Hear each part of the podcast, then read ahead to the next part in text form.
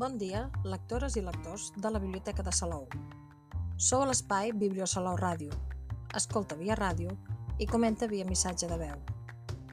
Avui és dimecres 27 de gener i el podcast d'avui us parlarà del que podem trobar a les xarxes sobre una altra de les novetats el proper, proper mes de febrer de la biblioteca. Amb aquesta nova ressenya us presentem la novel·la juvenil La noia ocell, de l'escriptora Sandy Stark McGuinness.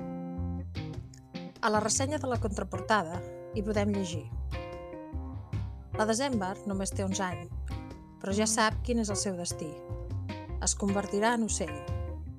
Un dia no gaire llunyà, de la cicatriu que té a l'esquena, li sortiran unes ales i arrencarà a volar lluny, molt lluny. I per fi abandonarà la casa d'acollida on ara s'està. Però abans ha d'entrenar molt dur, perquè volar no és fàcil. Els adults sospiten, fan preguntes, però la December no els explica quins són els seus plans. Ni tan sols ho diu a la seva millor amiga. Sap que no se la creurien, així que fingeix normalitat fins que arriba el moment de partir. I aquest moment cada dia és més a prop. Està a punt de saltar i emprendre el vol. Mireu com agafa impuls. La noia ocell, la primera novel·la de l'escriptora nord-americana Sandy Starr McInnes, és una història de transformació, resiliència i esperança, amb un transfons no explicitat molt potent. Una aventura que ens enganxa, però que du al seu darrere alguna cosa que ens remou i ens fa reflexionar sobre l'amistat i la solitud. L'autora utilitza una prosa molt poètica per explicar una història plena de temes difícils, com la identitat i l'abandonament. En resum, una història realista original amb un gran món simbòlic i plena de bons recursos literaris fets servir de forma molt trencadora. Per escriure La noia ocell, l'autora es va inspirar en un article que va llegir en un diari local, on s'explicava quan la mare havia agredit físicament la seva filla petita la va fer pensar molt sobre la nena i el viatge que li caldria fer per tal de curar-se emocionalment. I així va crear el personatge de December, la protagonista d'aquesta història. I si no sou experts en el tema dels ocells, no patiu, perquè el llibre us mostrarà aspectes de la ciència del vol, de l'anatomia i del comportament dels ocells. De fet, l'autora va fer un gran treball d'investigació sobre el tema per tal de poder incorporar-ho en el llibre. Es va centrar en les situacions que viu la December i les va aplicar a les aus.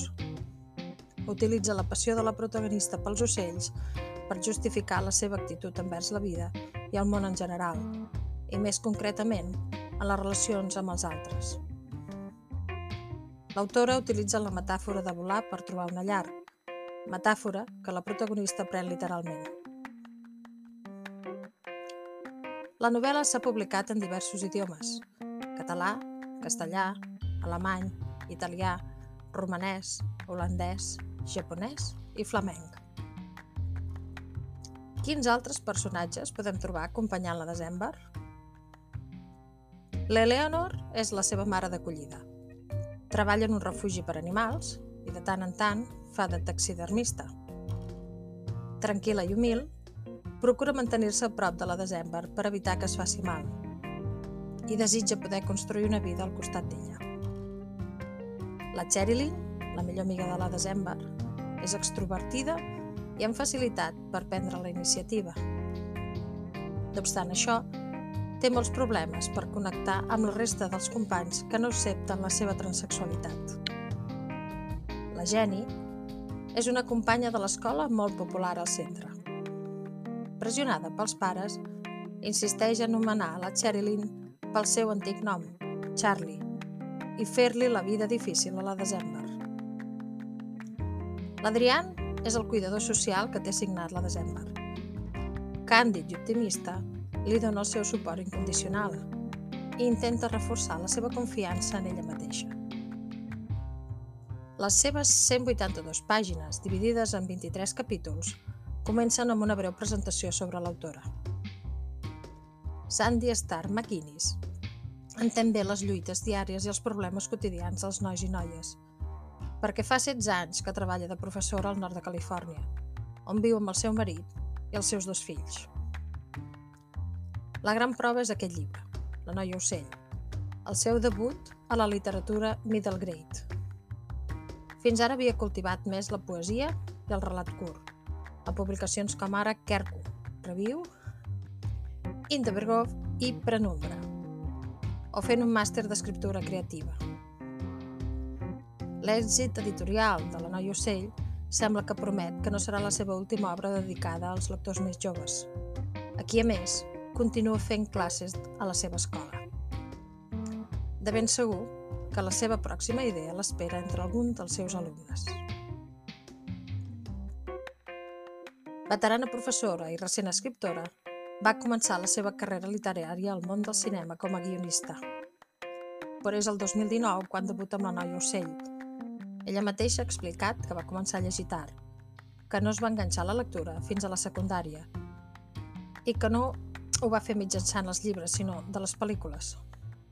Això reflecteix el llibre, on hi ha molts recursos propis del cinema i imatges visuals molt, molt cinematogràfiques. Hem buscat l'autora a les xarxes socials, on sobretot hi podem trobar informació referent a la noia ocell, però també a la seva recent publicació The Space Between Lost and Found, que de moment només podem llegir en anglès. Podeu seguir-la a Facebook, al seu perfil de Twitter, arroba McGuinnessSandy, i a Instagram, arroba StarMcGuinness. Però és a la seva pàgina web, sandystarmcguinness.com, on hi podeu trobar a la pròpia autora parlant dels seus llibres. La podeu escoltar i veure en diverses entrevistes. I fins aquí el podcast d'avui.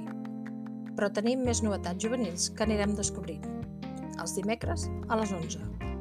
Que tingueu molt bon dia i molt bones lectures que us acompanyen en el dia a dia.